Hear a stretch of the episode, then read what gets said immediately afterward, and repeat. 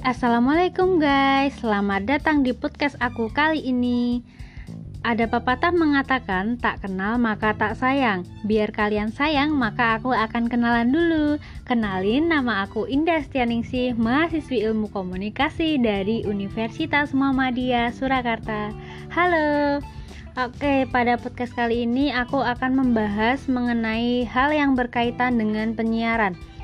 Nah, hal ini ada dua. Yang pertama mengenai bentuk lembaga penyiaran yang ada di Indonesia, yang kedua mengenai format acara televisi.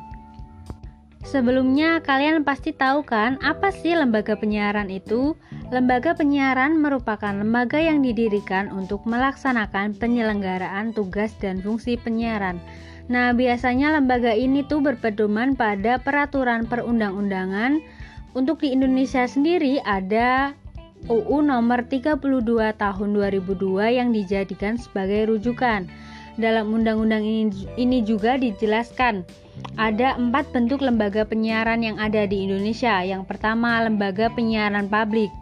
Lembaga penyiaran publik ini merupakan lembaga yang didirikan oleh negara yang mempunyai fungsi untuk melayani publik atau masyarakat Pendanaan dari lembaga ini tuh berasal dari dana publik seperti iuran atau pajak dan iklan namun sangat terbatas. Contoh dari lembaga publik ini adalah TVRI, RRI, dan lainnya. Next, lembaga kedua ada lembaga penyiaran swasta. Lembaga penyiaran swasta ini merupakan lembaga siaran yang dibangun atau dibentuk untuk mendapatkan keuntungan dengan tingkat rating yang tinggi. Biasanya dalam lembaga penyiaran swasta ini tuh menjual jam tayangnya untuk diisi diisi oleh iklan-iklan tertentu sebagai sumber pendanaan. Contoh dari lembaga penyiaran swasta ini ada TV One, RCTI, SCTV, Trans7, Indosiar dan masih banyak lainnya. Selanjutnya ada lembaga penyiaran yang ketiga yaitu lembaga penyiaran komunitas. Lembaga penyiaran komunitas ini merupakan lembaga yang dibuat oleh komunitas tertentu namun jangkauan wilayahnya sangat terbatas. Lembaga ini juga tidak boleh komersial atau bekerja sama dengan pihak lain. Artinya lembaga ini harus berdiri sendiri. Contohnya, lembaga ini ada JKRI, Raja Wali TV, IAIN TV, dan Gerabak TV.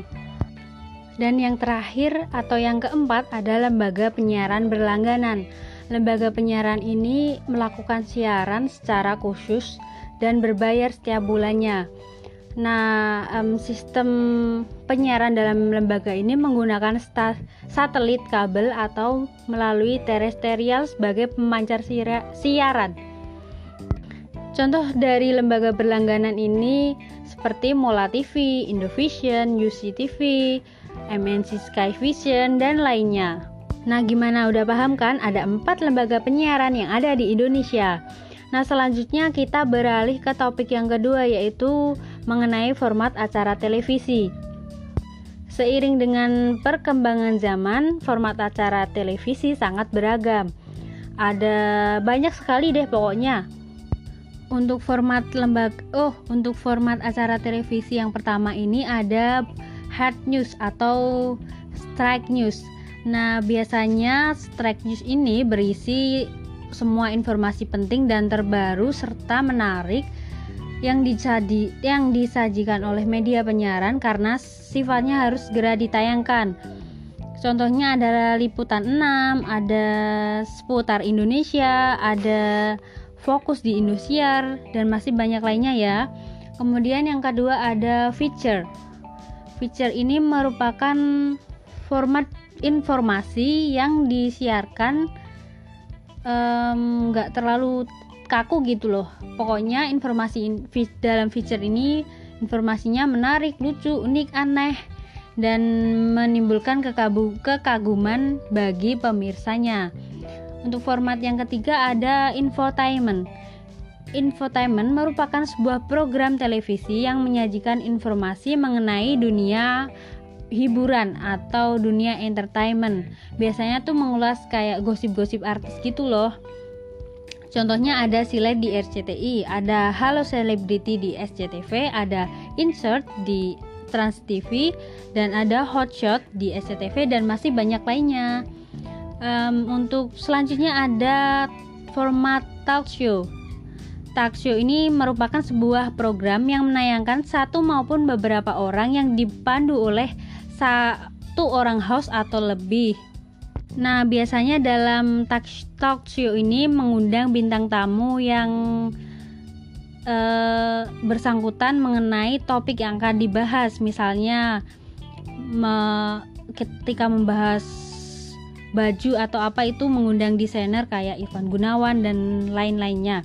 Contohnya ada Brownies di Trans TV, ada Tonight Show di Net TV, ada Oke okay Boss di Trans 7 dan masih banyak lainnya. Nah, selanjutnya ada format musik. Pada acara musik ini memiliki dua format tersendiri yaitu ada format video klip atau format konser.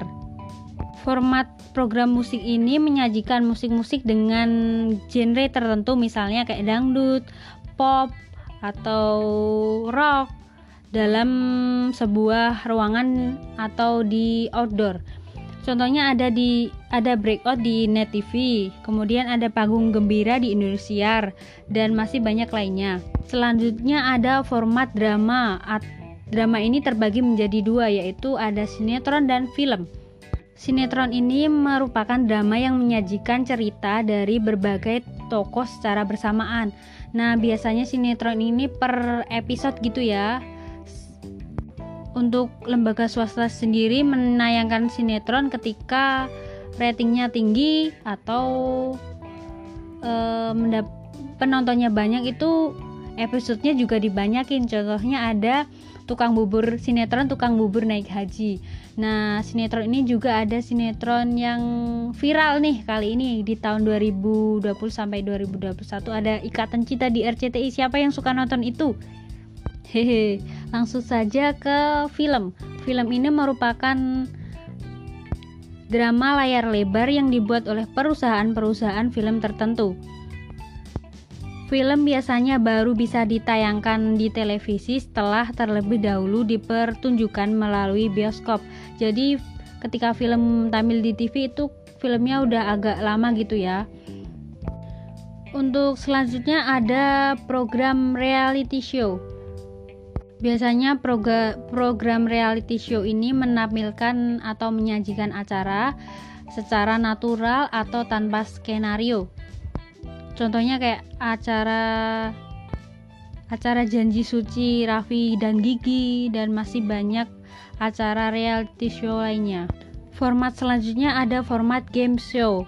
Format ini melibatkan sejumlah orang baik secara individu atau kelompok untuk bersaing mendapatkan sesuatu uh, biasanya yang kalah juga mendapat hukuman contohnya acara game show ini kayak baper dulu di RCTI dan masih banyak format-format lainnya Oke, saya rasa cukup sekian dari informasi yang saya bagikan.